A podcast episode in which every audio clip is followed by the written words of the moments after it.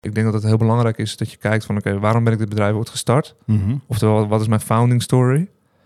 Dat is één punt. Ja, Dan bepaal je een punt van waar staan we nu? Dat is het heden. En als je dat heel goed kunt omschrijven, dan heb je dus al een, een soort lijntje. Heb je. ja. En als je hem dan logisch door kunt trekken naar de toekomst. En dan zeg ik altijd van, hè, als je terug kunt kijken naar het verleden en je kunt het heden goed omschrijven, dan wek je vertrouwen. Want dan laat je als leider zien dat je de vinger aan de pols hebt. ja. En als je een toekomst kunt schetsen, dan wek je verlangen.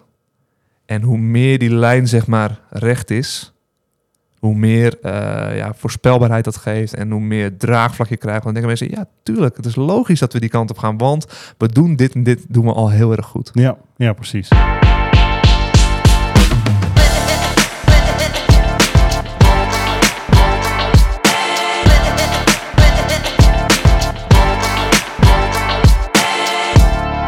Welkom en leuk dat je luistert naar weer een nieuwe aflevering van Ondernemer de Podcast. Eh, deze keer in de studio DJ en Sam van der Steen. Hey jongens, goedemorgen. Welkom. Goedemorgen. Goedemorgen. Sam, eh, ja, nieuw gezicht. Stel jezelf even voor. Ja, ah, ik ben Sam van der Steen. Ik ben eh, 30 jaar, ik kom uit eh, Noord-Holland. Ik heb eh, twee jonge kinderen. Ik woon samen met mijn vriendin en eh, ik eh, ben ondernemer. Ja, tof. En het thema van vandaag is groei van team naar tribe. Ja. Eh, daar weet je wel wat van, toch? ja, dat is een beetje mijn marketingbelofte. Ja. groei van Team Tribe.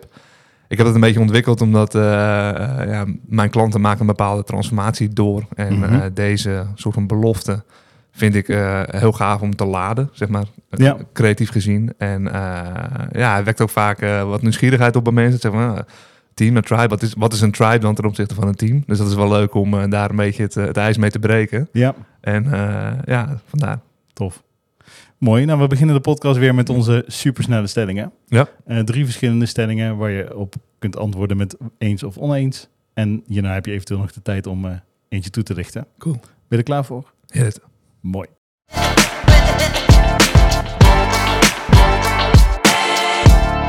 De eerste is: investeren in start-ups is over het algemeen riskanter dan dat het waard is.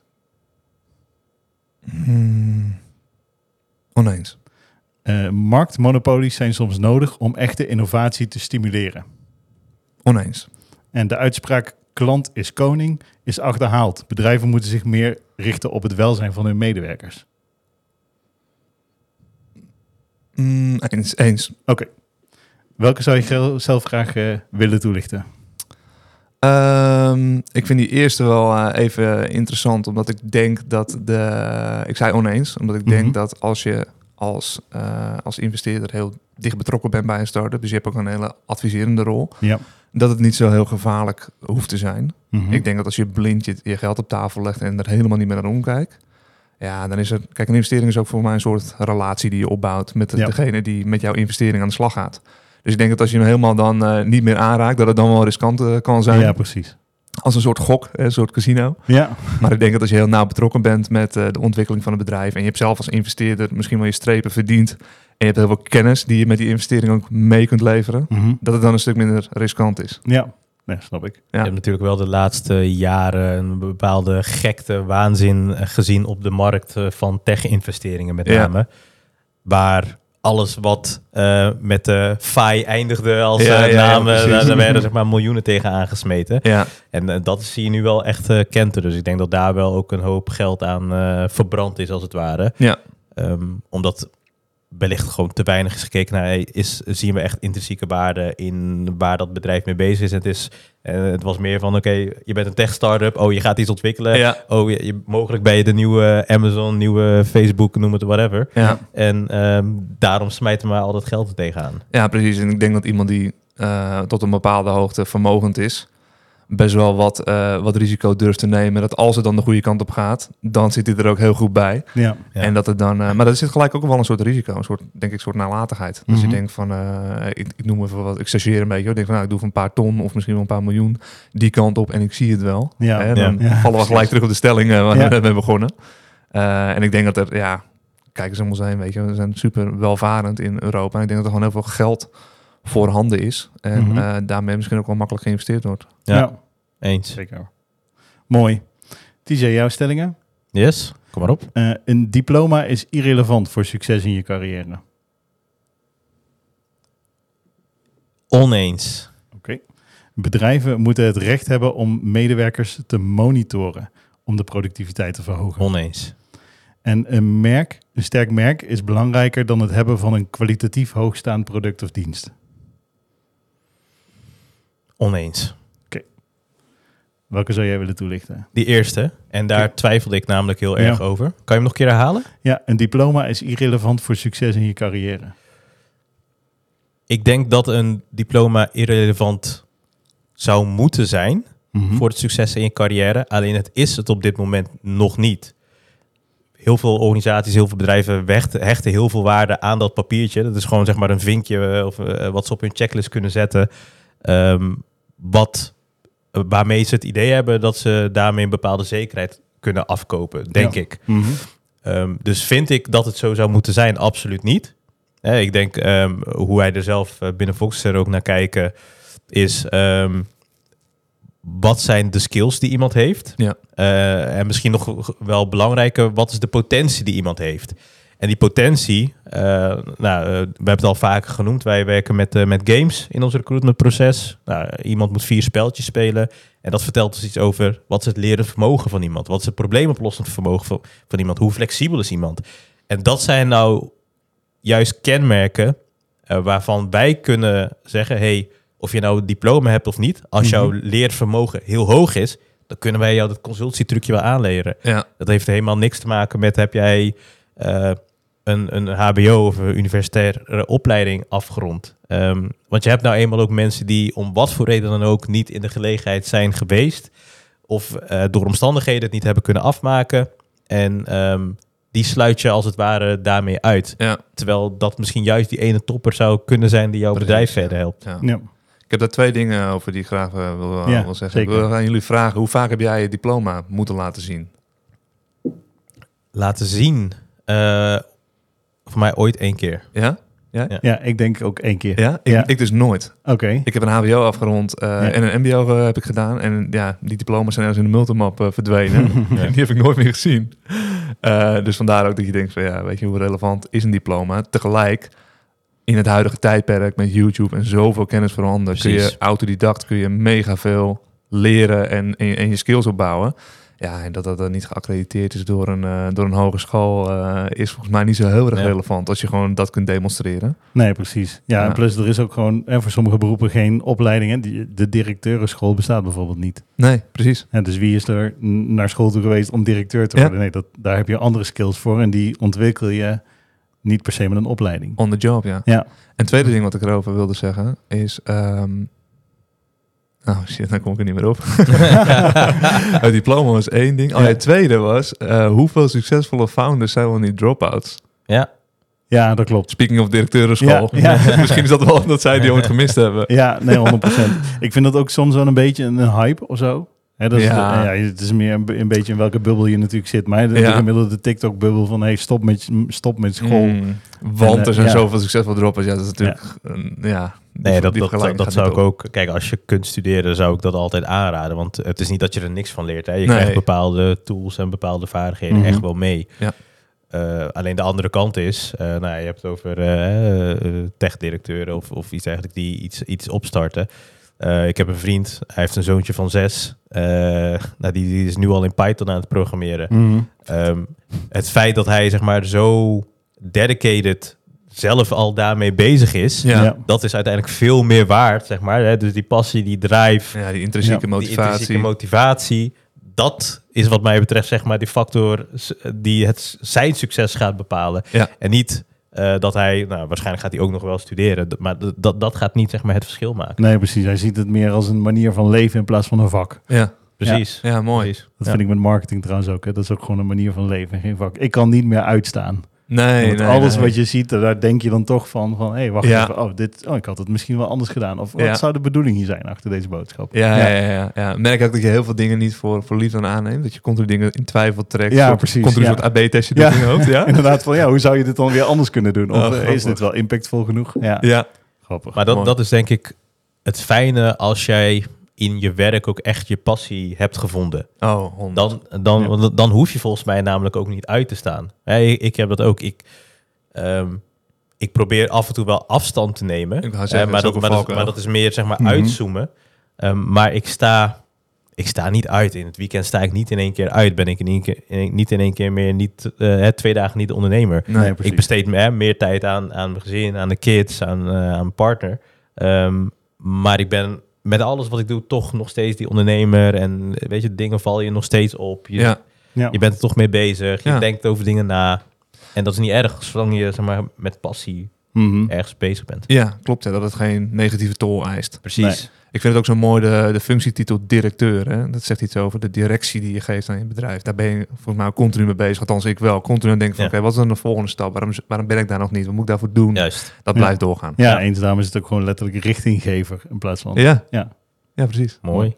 Ja, Jongens, jongens. ik wilde eerst zeggen hard voor de zaak, want de zaak is ook hard voor ons. Maar ja, soms twijfel ik of het heeft of is is. Maar goed, dat, eh, misschien is dat voor een andere podcast. Ja, Oké, mooi.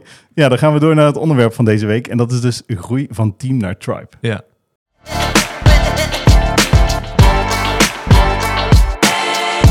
Sam, hoe is eigenlijk die tribe-methode ontstaan? Ja. Ehm, hoe die ontstaan is, is eh, dat is wel een leuk verhaal. Ik ben, eh, als ik kijk naar mijn persoonlijkheid, ik ben best wel creatief, Mhm. all over the place, gemakkelijke verbinding aan. Wat voor mij heel moeilijk is, om aan een bureau te gaan zitten, te gaan schrijven, methoden uit te denken. Dus ik heb vorig jaar rond de feestdagen heb ik gewoon ergens een blokhutje gehuurd op een verlaten vakantieterrein. Ja. Daar was helemaal niemand. Eh, dat, dat hutje was ook heel koud, dus er was helemaal geen verwarming stond aan. En eh, daar heb ik dus in, eh, in twee weken tijd heb ik mijn hele methode als het ware uitgewerkt. Echt als een soort monnik ben ik gewoon gaan zitten en gedacht van oké, als ik zo'n tribe wil bouwen, welke stappen moet ik daarvoor gaan doen? Mhm. Welke fundamenten moet een tribe hebben? Ja. Die ben ik eh, op hoog niveau ben ik die uit gaan zetten. Toen kwam ik tot zes, zes hoofdthema's. En die ben ik toen stuk voor stuk ja, gaan uitkristalliseren van oké, welke vragen moet ik daarvoor stellen? Welke antwoorden moeten we vinden? Ja. Hoe kan ik dit in een proces gieten, zodat uiteindelijk misschien iemand anders ook zelf zijn eigen tribe kan bouwen. Ik ben er ook met een stukje schaal gelijk al eh, Mhm. over na gaan denken. Ik zit nu toevallig in het boekje Build to Sell. Dat is een heel dun eh, boekje. Mhm. Eh, gelezen? Dus zeker. Ja, Ja. leuk. En daar begint hij ook gelijk van over van, hey, wat is nou je methode? Hè? Die in, Ja. in zes stappen of zo, vijf stappen een logo maken. Toen dacht ik, hé, hey, mooi. Dus stap 1 heb ik dus al onbewust, onbewust genomen. Ehm, dus ja, het- zo heb ik die eigenlijk met de ervaring die ik eh, heb opgedaan met toen ik begon met ondernemen en ook met de, de start-up waar, ik, eh, waar dit eigenlijk helemaal ontstaan is. Ik misschien zo nog even over hebben. Ben ik die methode gewoon helemaal gaan uitwerken van A tot Z. Ja, Ja. tof. Maar wat is dan het verschil tussen een tribe en een team? Nou, ik denk dat een, eh, dat een, een team werkt natuurlijk ook gewoon samen. Hè. Die komt in hetzelfde pand, werkt samen aan het bedrijf. Mhm. Maar wat ik gaaf vind als je kijkt naar, naar tribes, en dat kunnen sportteams zijn, maar dat kunnen ook bijvoorbeeld eh, sterrenkeukens zijn of bepaalde clubs of verenigingen. Die hebben op een bepaalde manier hebben ze veel meer gestalte gegeven, of veel meer gemanifesteerd aan hetgene waar ze voor staan, wat ze, wat ze tof vinden. Mhm. Dus dat is bijvoorbeeld een, eh, een totempaal of een, eh, die post die jij vanmorgen maakte, weet je wel, die, dat werkgeversmerk. Ja, ja. Zoiets. Of ze hebben bepaalde rituelen, bepaalde maniertjes hoe ze bepaalde dingen doen. En als dat allemaal in lijn ligt zeg maar, met waar het bedrijf voor staat en waar het in gelooft, Mhm. dan kom je dus eh, de hele tijd als je bij het bedrijf werkt of als je te gast komt of je komt in een podcast spreken, Ja, dan kom je dus continu kom je die cultuur kom je tegen. Mhm. ja. En er is iets met groepen wat wij als mensen gewoon heel erg aantrekkelijk of interessant vinden. Mhm. Ik geloof erg in de evolutietheorie. Ja. Dat we als jagers en verzamelaars gewoon echt elkaar letterlijk nodig hadden. ja precies. Nou, vandaag de dag is dat natuurlijk gewoon minder, want we kunnen best wel goed voor onszelf en ons eigen gezin zorgen. Dus die afhankelijkheid is weg. Ja. Maar dat groepsgevoel wat we op willen zoeken, kijk naar voetbalclubs of kijk naar bijvoorbeeld eh, nou, weer sportteams. Of kijk naar geloofsovertuigingen. Weet je, we hebben best wel de behoefte om elkaar op te zoeken en te Mhm. verenigen rondom hetzelfde gedachtegoed. Ja, ja precies. Ja, en dat vind ik, dat vind ik mooi. En ik ben zelf ben ik eh, tien jaar lang designer geweest. En eigenlijk dat ja, het ontwerpen of het bouwen van zo'n tribe, dat is eigenlijk gewoon een creatief proces. Mhm. Ja, dat snap ik wel. Ja. Ja. En ik ben ooit gestopt met designen, omdat ik ja, dat werk met die laptop de hele dag, eh, ja, dat vond ik niet meer leuk. Haalde er Nee. niet meer voldoening uit. Dus ik miste echt het mensenstuk in mijn, Mhm. eh, in, mijn, eh, in mijn leven. En eigenlijk combineert dat zich nu heel mooi. Het stukje creatie met, met het verenigen van mensen. Ja. Ja. ja. Tof. DJ, vind jij dat Foxter nu nog meer een team is of ook al een- richting dat tribe gevoel aan het gaan is? Als ik eh, naar de beschrijving eh, luister, dan, dan denk ik dat wij eh, echt nog wel stappen te maken hebben om richting tribe te gaan. Mhm. En dat zit hem denk ik, voor ons in een aantal zaken. Eén, we zijn. Ik, ik denk misschien dat we een jaar geleden al meer een tribe waren dan nu. Ja. En dat kwam, hè, wij zijn ooit het bedrijf met z'n vieren begonnen. Nou, dan krijg je een, een, een groepje met een paar medewerkers om je heen. En die zitten heel, zeg maar, dicht op jou als, eh, als founder. En Ja. eh, die kun je gewoon heel makkelijk, zonder er eigenlijk heel bewust mee bezig te zijn, kun je die meenemen Ja. in, in, in wat je wil, in je visie en, en noem het dan maar op. En dan heb je, om, vanwege dat kleinschaligheid, heb je denk ik al heel snel ook ehm, de juiste cultuur die je denk nodig hebt om, om zeg maar, van team naar tribe te gaan. Ja. Ehm, vervolgens zijn wij heel hard gegroeid. Mm. Eh, de afstand, ondanks dat je het niet wil, de afstand tussen zeg maar even, oprichter en, en, en medewerker wordt, Mhm. wordt wat groter. Ja. En nu, en je hebt meer lijntjes, dus communicatie wordt een heel belangrijk onderdeel. Ja, er komen ineens Eh, managers tussen ook. ja, Precies. Ehm, en het, het heel haarscherp definiëren van, van, die, van die visie en dat doorvertalen, eh, ook richting de cultuur, dat kost veel meer energie dan Ja. hè, het, het, hè, zeg maar anderhalf jaar geleden ging het gewoon vanzelf. En Aan de lunchtafel. Ja. Precies. En nu moet je daar gewoon bewust mee bezig zijn. Moet je allerlei Mhm. activiteiten ontplooien om, om dat, eh, om dat zeg maar, leven in, in te blazen. Ja. En ehm, omdat wij zeg maar, in, die, in die fase nu zitten, eh, denk ik dat we echt, eh, echt nog wel stappen te maken hebben om zeg maar, weer richting dat tribe niveau te gaan. Ja. En, en dat heeft er ook nog dan nog mee te maken met het feit dat we, nou ja, we bestaan nu eh, drie jaar, dus we zijn formeel geen, eh, geen start-up meer. Ehm, maar we zijn gewoon begonnen en onze visie is er nog steeds. Alleen eh, de manier van bewoording en, en, Ja. en hoe je het uitdraagt, dat is ook een beetje gewijzigd. En, Hmm. en, en ik denk dat we nu op een punt zijn dat we denken, oké, we hebben hem helder. Nou, wij, wij, hebben- wij waren vanochtend nog bezig hè, met, onze, met onze tagline, onze Ja. slogan Ja. past die nog zeg maar bij, eh, bij de visie die, zoals die nu staat. Dus we zijn nu zeg maar al die puzzelstukjes weer eh, Ja, op mooi. elkaar eh, aan, het, aan het aansluiten. Ja. En ik denk dat dat dan ook het moment is dat we echt weer kunnen gaan werken aan dat laden, laden, laden. En dat Ja. we dan richting dat tribe eh, Ja. gevoel gaan. Ja. Mooi. Ja, Ja, dat is mooi, want tussen de lijnen, tussen de regels door ben je zo aan het luisteren naar TJ. En eigenlijk ben je nu precies de, de fases van Bruce Tuckman ben je aan het beschrijven. Oh, nou, Ja, de- ken ik niet, maar... Bruce eh, Tuckman heeft een, eh, heeft een model bedacht. eh, dat heet forming, storming, norming, performing. ja, En het beschrijft heel mooi hoe je als start als bedrijf, dan ga je vormen. Je gaat jezelf vormen. Hè? En je gaat jezelf helemaal uitvinden. Alles is nieuw. Je raakt alles opnieuw. Mm. Voor de eerste keer raak je aan. Nou, op een gegeven moment, dan zeg je al, hè, de, de fysieke afstand wordt groter. Communicatie wordt wat complexer. Eh, je deelt niet meer een bureau, zeg maar, op de vloer. Maar je hebt een eigen kantoor waar je zelf wat kan afzonderen om, eh, om aan je directietaken te werken. En vaak door het ontbreken van, zeg maar, die, dat collectieve gedachtegoed en eh tribegevoel... ontstaat er een beetje ruis. Een beetje Mm. onrust. Mensen zijn een beetje zoekerig van... joh, ja, waarom doen we dit precies? Wat is Mm. mijn rol in het geheel? En dan gaat het een beetje wrijven dan. Dan noemen ze de stormingfase. Ja. Als je die heel lang rekt, gaan mensen op een gegeven moment weg. Want dan zeggen ze van ja, dit bedrijf past niet meer bij me. Vroeger waren we nog eens zo'n club, maar ik Mhm. herken me nu niet meer in, deze, in dit bedrijf. Dus die stormingfase wil je niet te lang rekken. En hoe kun je dat voorkomen? Door eigenlijk wat je vanmorgen al hebt gedaan met... wat je samen hebt gedaan om Ja. aan die tagline te werken ja. is, eh, is de normingfase. Ja. En norming ga je eigenlijk dus nor, no- ja, normeren, is dat een Nederlands woord? Ja, Ja, ja, zeker. ja, je gaat normeren van eh, wat definieert ons, wie zijn we. En als je dat uiteindelijk ook gaat deliveren op je team, dus je gaat het delen met je team, dus je staat een keer eh, op het zeepkistje, eh, bij wijze van spreken, en je laat een visiepresentatie zien. Ik zeg van jongens, belangrijk om weer even die visie aan te raken. Ja. Waar gaan we naartoe? Welke milestones liggen er voor ons? Wat Mhm. wordt jouw rol erin? Wat, wordt de betekenis van het team erin? Ja. We hebben vanmorgen in de wandelgang nog even besproken hè, welke groei jullie eh, nu doormaken en hoe dat Ja. Effect heeft op jullie eh, propositie. Ehm, en als dat zeg maar staat en je krijgt die rust weer in het team en je krijgt dat teamgevoel, oftewel je krijgt het tribe-gevoel, dan kun je dus naar performing. Ja. Dat is dus fase 4. Dus eigenlijk maak je, ja, het is, het is heel vervelend. Eh, Startende ondernemers die nu gaan luisteren, is je begint met forming, energie is hoog, dan zak je even in storming. Ja. Dan kun je uitkomen door te gaan normen, om uiteindelijk weer naar performing toe te groeien. Ja. ja. Tof. Herken je jezelf hierin, TJ? Eh, ja, ik vind het wel Ja. grappig. ja.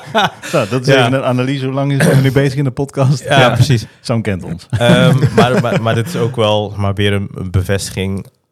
Iedereen denkt altijd, eh, zeker als je ga- gaat ondernemen en met Ja. een bedrijf bezig bent, dat je zo uniek bent. Maar iedereen doorleeft en doormaakt gewoon dezelfde fase. En de ene zal het in de grotere Ja, mate hebben dan de andere. ja, Eh, maar het is, het is voorspelbaar. ja klopt. Ja. Wij zijn in dat kader, wij zijn zelf dan ook met scaling up bezig als traject. Nou ja, ook daar weer. er zit gewoon bepaalde voorspelbaarheid in de fases Juist. die je doorloopt als organisatie. De, de problemen die elke fase met zich meebrengt. Ja, Ehm, en, en ja, mijn tip zou dan dus altijd ook meteen zijn, ja, leer, eh, leer daarvan. Hè. Probeer niet het wiel opnieuw uit te vinden. Nee, en, ja, ik vind het wel mooi dat, eh, dat op dit vlak dat, dat het er dus ook gewoon is. Dat, dat wist ik niet. Dus eh, ja, Ja, ik heb weer wat geleerd. ja, leuk. En als je dan gaat kijken naar kernwaarden, hè, wat zijn dan echt de kernwaarden van een succesvolle tribe? Ja, voordat we daarover Oh, ingaan, ja. ik nog één ding om even leuk om even aan te Ja, stippen. zeker. Ik vind dat zo tof. Er zijn bepaalde collectieve waarheden. Ik vind dat altijd heel fijn om op terug te vallen. Want daar Mhm. vind je heel veel, zeg maar, eh, mutual agreement vind je daarop. En één zo'n collectieve waarheid is dat bijvoorbeeld relaties niet goed schaalbaar zijn. Mhm. Dus zodra je meer mensen gaat toevoegen, wordt communicatie complexer. Er is zo'n heel mooi modelletje van, hè, dat al die lijntjes zo een stuk klopt. meer worden. Dat is voor mij een collectieve waarheid Mhm. waar je iets mee kunt. Een andere collectieve waarheid is bijvoorbeeld dat we groepsdieren zijn. Mhm. Er is geen mens op aarde die zegt van nou, ik ben, eh, ik ben een loonwolf en ik doe het allemaal lekker alleen. Ook hij heeft of zij heeft behoefte aan ergens bij horen. Ja. Dus dat zijn die collectieve waarheden. Wat vind ik leuk om mee te werken. Hebben, hebben jullie een voorbeeld van zo'n soort van collectieve waarheid? Ik zeg van nou, dat, dat geldt echt voor, voor ieder bedrijf of voor iedere groep.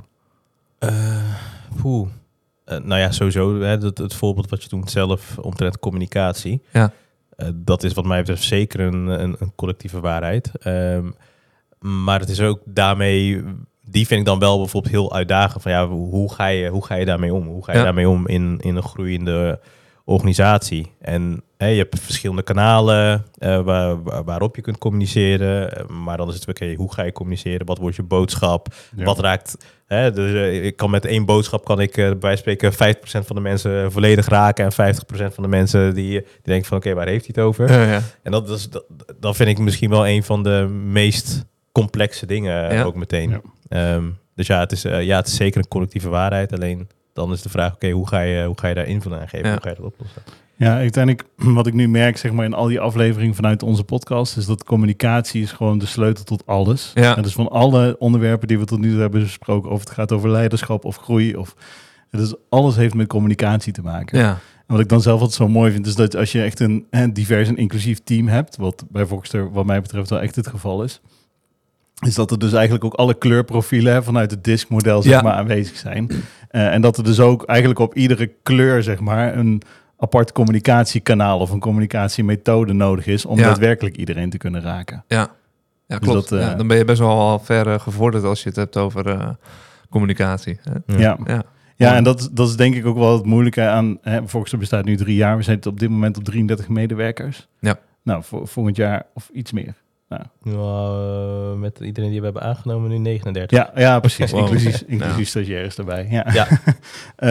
Ja, Oh, dus, dus ja, inderdaad, dan, dan kan het niet anders zijn dan dat je eh, dat tribe-gevoel inderdaad nu even kwijt bent geraakt. Hè? Ja. Of dat is er misschien nog wel, maar, maar alleen maar bij de collega's die er al vanaf het eerste moment bij zijn. Ja.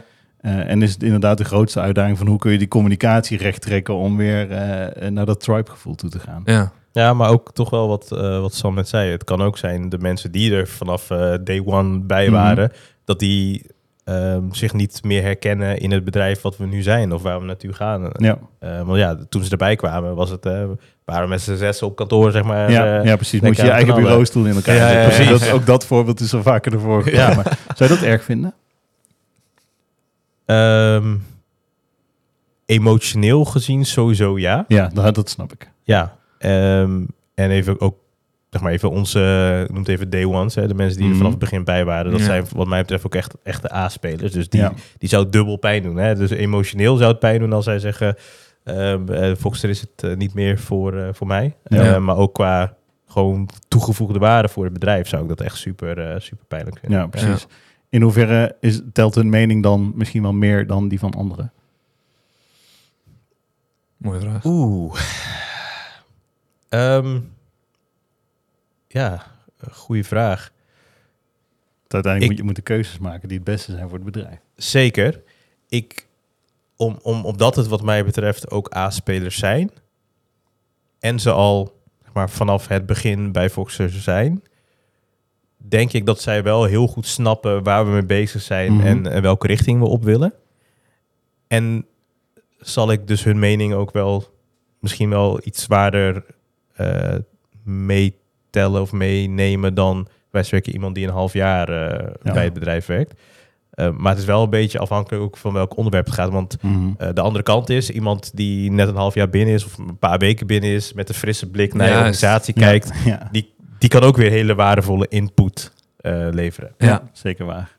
Ja, dat is Mooi. mooi. Dus ja, dus ook best wel contradictie natuurlijk. Ja, Ja, ja, precies. ja, maar ook een hele mooie aanvulling, denk Ja. ik. Ja, het is niet altijd leuk om leider te zijn, hè, wat dat betreft. Nee, vind je dat?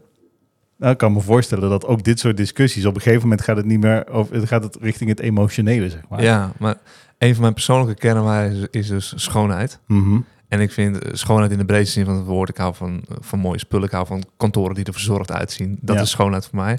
Maar schoonheid zit voor mij ook in de kwetsbaarheid zeg maar, van dit soort dingen. Dus Mhm. ik vind het super mooi als je als leider wel op die stip durft te staan. En wel eh, die twee groepen bij elkaar weet te krijgen. En da- daar een kwetsbaar in bent. En Ja. daar ook soort van de schoonheid in ziet. Van hey, dit is ook weer een nieuwe stap voor mij als leider. En als we hier goed doorheen komen. Dan maak ik niet alleen persoonlijk een ontzettende groei mee. Maar wij als groep maken ook een onwijze stap. Ja. Dus Ja, daar, daar zit 100%. voor mij ook een hele mooie schoonheid in. Hoe, Ja. hoe kwetsbaar of ongemakkelijk het ook is. Hè? Ja, precies. Nou. En uiteindelijk zal je keuzes moeten maken. Want als je alleen keuzes durft te maken, dan word je ook gekozen. Juist. En anders dan eh, word je een soort van polenmodel bedrijf. ja, Waarbij iedereen eigenlijk maar alles doet wat hij zelf goed vindt. ja. En dan ga je sowieso niet meer vooruit. Wat tenminste wat mij betreft. ja, ik vind er een mooi ezelsbruggetje voor. eh, everybody has a voice, but not everybody has a vote. Ja. Mooi. Ja. Tegeltje weer hoor. Ja, Ja, ja, We ja. hebben er weer eentje. Ja, misschien moeten we echt een webshop gaan beginnen met tegeltjes. Wij hadden trouwens even tussendoor in de start-up waar ik werkte, was een SaaS-startup. eh daar hadden we ook tegeltjes. En eh er was, kwam ooit een bugmelding kwam er eh, van iemand binnen. En die zei, we, hadden, we moesten heel uitgebreid omschrijven. Hè. Van eh, reproduce the bug en zo. En toen stond er bij reproduction, eh, wat is de, hoe, hoe, hoe komt de bug naar voren? Ehm, klik en er gebeurt niks. dat was, dat- die kwam ook op een tegeltje bij ons. ja. Dus Mooi. dat is een nieuw tegeltje. Klik en er gebeurt niks. Over die dynamiek gesproken. Ja. Wat is dan eigenlijk het verschil zeg maar, in die dynamiek zeg maar, tussen een tribe en een gewoon team? Ik denk dat. eh, kijk eens naar je vriendengroep. Waarom is het leuk om tijd samen door te brengen? Mhm. Omdat jullie continu focussen op de overeenkomsten. Ja. Jullie luisteren waarschijnlijk dezelfde muziek, gaan naar dezelfde festivals toe, kijken samen sport of oe- beoefenen sa- samen sport. Mhm. Jullie hebben heel goed gedefinieerd en heel helder van hey, waarom zijn wij vrienden? Ja. Dat vind je op overeenkomsten. En natuurlijk zijn er af en toe verschillen hè, en kun je het met Mhm. elkaar oneens zijn, maar je hebt een gemene deler. Ja. En ik denk dat als je, eh, als je een bedrijf leidt, dan kun je, kun je twee dingen doen. En dat klinkt, klinkt een beetje oneerbiedig, maar je kunt zeg maar gewoon eh, run the shop. Ja. Dus je kunt gewoon winkeltjes spelen. Of je kunt aan een bedrijf bouwen samen. Mhm. En dan ben je van, als je gewoon eh, running the shop is, gewoon van 9 tot 5, de deur open, klanten helpen, zwaar. Ja. En dan maak je ook wel een groei door, hè, tuurlijk, dat is, dat is, dat is onvermijdelijk. Maar ik denk dat als je samen als een soort club eh, bouwt aan iets, dus je hebt bijvoorbeeld een milestone samen bepaald en iedereen weet van, hey, wat wordt jouw rol erin? Eh, en jouw aandeel is net zo belangrijk als het aandeel van hem of en van haar. Ja. Dan krijg je dus dat iedereen zich ja, eigenlijk een soort rugzak omhangt en Mhm. samen richting dat doel gaat bewegen. En dat je ook gewoon merkt van, hey, af en toe moet ik even die rugzak van iemand anders overnemen. Want het is nu even te zwaar of zo. Want de output die we van diegene verlangen is nu even te veel. Of, Ja. Dus daar vindt een soort verbroedering plaats. ja, precies. En zo vind ik zeg maar een tribe dichter bij elkaar. Meer vertrouwen, meer de last... last. De, eh, het werk samen dragen Ja, dan ja. een team die ieder voor zich gewoon zijn, zijn output doet en, en de winkel draaien laat. Ja, Ja. oké. Maar Mag, ik- mag ik reageren? ja, zeker. ja. Ik wil hem alleen niet vergeten wat ik wilde vragen. Want Oh, ja, nou, maar mijn, mijn punt Ja. eh, is dat je mij nu wel eventjes raakt, omdat ik meteen even ook een besef voel van wat wij zelf even vanuit ondernemersperspectief, vanuit directie niet goed hebben gedaan. Hmm. Ehm, en dat is ehm, dat je zegt, oké, we hebben doelen, Ja. Ehm, maar hoe kan ik nu daaraan bijdragen? Ehm, dus ik denk dat wij altijd onze visie, onze stip en de weg naartoe helder hebben gehad Ja, maar niet op een goede manier hebben doorvertaald hoe elke individuele medewerker daar nou aan kan bijdragen. ja. En eh, ja, dat was voor mij even een, eh, ja, ja, een besefmoment. Ja. ja. graag gedaan. en waar, waar ik mee zat, is Ja. dat wij natuurlijk als Foxter zijnde vorig jaar afscheid hebben genomen van de kernwaarde familie. Mm. Ja. En dat ik ook best wel bizar vind dat heel veel bedrijven die geen familiebedrijf zijn, zeggen wij zijn één grote familie. Ja, Mm. En we hebben daar bewust keuze van genomen of gemaakt van hé, hey, we gaan dat niet doen. goed zo. Hè, Want we, ja, we zijn geen familie, maar toch voelt wat jij zegt Ja, dan een beetje als hey, we zijn een soort familiebedrijf aan het bouwen. Want ik draag de last van mijn broer Ja. of van mijn zus. dat is een heel fundamenteel verschil. En dat denk ik ook de- waar de oorsprong heeft gelegen voor jullie afscheid te nemen van die kernwaarden tussen een familie en een tribe. Mhm. Dat is namelijk het doel. Het doel van de tribe is samen de missie halen. Mm. Ja. Het doel van de familie is bij elkaar blijven. Ja, ja, precies. Whatever it takes. Zich zodanig gedraagt dat hij de missie eh, in gevaar brengt. Klinkt heel, heel dramatisch. Mhm. Maar als hij de missie saboteert, een familie die ga je niet afsplitsen. Nee. Want je bent familie. Ja, precies. Ja. En eh, dat zou betekenen dat eh, het bij elkaar houden van de familie is het hoogste doel. En daar Mm. ga je bonnetjes voor pakken. Terwijl als je een tribe bent en je bent samen op missie aan het gaan. En iemand is, nou, om een of andere reden, voelt zich niet meer thuis in eh, de reis die je samen aan het maken bent. Dan moet je afscheid nemen. Mooi is dat. Ja. Dus dat, ja, dat is wel denk ik echt precies inderdaad Ja. het verschil. En Dus dat is ook de reden waarom het dan nu makkelijker wordt, zeg maar, om dan gewoon daar toch wat zakelijker in te staan. In plaats Juist. van in familie. Ja, en ik gebruik liever het woord objectief Mhm. dan zakelijk. Want ik denk dat zakelijk ook heel familiair kan zijn. Mm. Hè, zoals als je bij jullie op de, vloer loopt. Ik, ik ben hier nog niet zo heel lang eh, op de vloer. Maar ik kan me heel goed voorstellen dat het heel familiair kan voelen. Hè, en heel vertrouwd. Ik denk dat dat ook super belangrijk Mhm. is. Ehm, maar dat, eh, eh, dat als je het objectief maakt. Dan kun je zeg maar kijken van... Hey, dat TJ, dat gedrag wat jij nu laat zien... Helpt, dat, helpt ons dat richting de missie te gaan? Mhm. Of saboteert ons dat een beetje? Ja. En dan kun je heel goed zeggen van... Hey Sam, ja, je hebt helemaal gelijk. Dat te laat komen en dat eh tickets niet afmaken. Ja, je hebt gelijk. Nee, dat helpt ons echt niet richting, richting het doel. Dus in plaats van dat ik dan het tussen ons inzet... zet ik het eigenlijk ja, naast ons. Waardoor wij eigenlijk schouder aan schouder naar het doel kunnen kijken. En kunnen zeggen van... Hey, is datgene wat we nu aan het doen zijn... helpt ons dat, ons gezamenlijk doel te bereiken? Ja. Of saboteert het ons? Mooi. Ja. Ja. En wat is dan, zeg maar, de, een- voor jou een goede balans? Ja, want je hebt het natuurlijk nu eigenlijk heel erg over bouwen Ja. aan je bedrijf. In Ja. plaats van werken in je bedrijf. Ja, dus run the shop en building a company. Ja, Dat- die, precies. die balans zoek je. Ja. Of gewoon keihard geld verdienen. Eh, dat sowieso. Dat is eh, natuurlijk eh, voorwaarde één. Hè? Mhm. Want we zijn wel aan het ondernemen, we zijn niet aan het hobbyen. Met hob- hobby kost geld, ondernemen levert geld op. Ehm, dus ik vind ja, het bedrijf bouwen. Dus ik help ook vaak bedrijven die product market fit hebben gevonden. Dus Ja. waar het gewoon loopt. Mhm. Want anders heb je eerst een andere uitdaging op Ja, te lossen. precies. Ja. Ehm, dus jezelf boven water kunnen houden, kunnen water trappelen, dat is natuurlijk een voorwaarde. Ehm, de juiste balans kan een beetje verschillen per onderneming. Maar vaak moeten mensen hier ook een beetje aan wennen, aan deze manier van werken. Dus Mhm. de eerste milestone, of de eerste paar milestones die ik bepaal samen met bedrijven, die zijn ook vrij overzichtelijk. Ja. Je doet er een kwartaal over. En eigenlijk geef je zeg maar, een medewerker die 100% eh, running the shop, gaat in een gegeven moment bijvoorbeeld 90% of 80% zelfs. En die gaat 20% ook tijd krijgen om Mhm. aan het bedrijf mee te bouwen. Mhm. Want hoe inclusief ben je als je mensen niet mee laat bouwen aan het succes van het bedrijf? Ja. Dan wordt het een soort MT-feestje. En als je dat gaat presenteren aan het bedrijf, zal iedereen denken van... oké, leuk man dat jullie dat samen aan het doen zijn. Ja, Ja, precies. Wij gaan weer even terug onze klanten Ja, helpen. Je hebt gewoon nul draagvlak. Precies. Hoe Ja. mooi is dat? Hoe, hoe zie je dan de toekomst van werken in tribes eh, versus zeg maar gewoon teams? Ik heb een soort, eh, ik heb een soort visie. Eh, en die zijn allemaal losse snippets. Ik moet er ooit nog een keer iets concreets van maken. Bij de loodgieter uh, lijkt de kraan thuis. Eh, en een van die leuzen die klinkt, eh, vind ik wel vet klinken. Dat klinkt 9 to 5 for life. Mhm. Dus ik zie een hele generatie die nu ongemotiveerd naar het werk komt. Mm. Een beetje de, de Gen Z noemen ze dat. En eh, ik zou het gewoon super gaaf vinden als die generatie zingeving, plezier gaat vinden in het werk. En eigenlijk 9 to 5, 9 to 5 for life gewoon als een soort, eh, soort credo eh, gaan, Ja, eh, gaan, ja, gaan trommelen. Omdat het werken met een groep mensen aan eenzelfde doel waarin je jezelf, waar je successen in gaat kennen, maar waarin je ook gewoon snoeihard op je bek gaat Mhm. en even lekker goed, eh, ja, goed kunt leren van je fouten. Ook daar weer schoonheid. Hè? Ik vind Ja. dat een heel mooi proces. En dat komt ook uit een stukje ja, persoonlijke ervaring is dat ik eh, als designer heb ik nooit die zingeving ervaren. Mhm.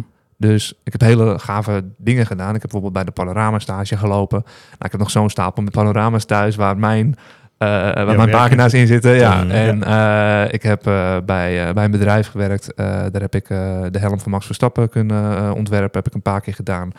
Dus ja, dat zijn allemaal super gave dingen. Maar toch vulde het voor mij niet de leegte die ik wel heb gevoeld. En ook heb getracht te vullen met een Audi en, eh, Mm. en een nieuw Ja, horloge. precies, een dikke auto van de zaak. Ja, precies. En dat, dat, dat was leuk, maar het was niet. eh, het, het vervulde niet. Dus ik had op een gegeven moment geen zin meer in mijn werk. Nee, maar is dat dan zeg maar ook misschien wel de grootste tip voor ondernemers? Ik bedoel, je hoort natuurlijk heel veel nu, zeker nu in de tijd van dat automatisering en AI en dat Ja. soort trends natuurlijk allemaal veel sterker worden belicht.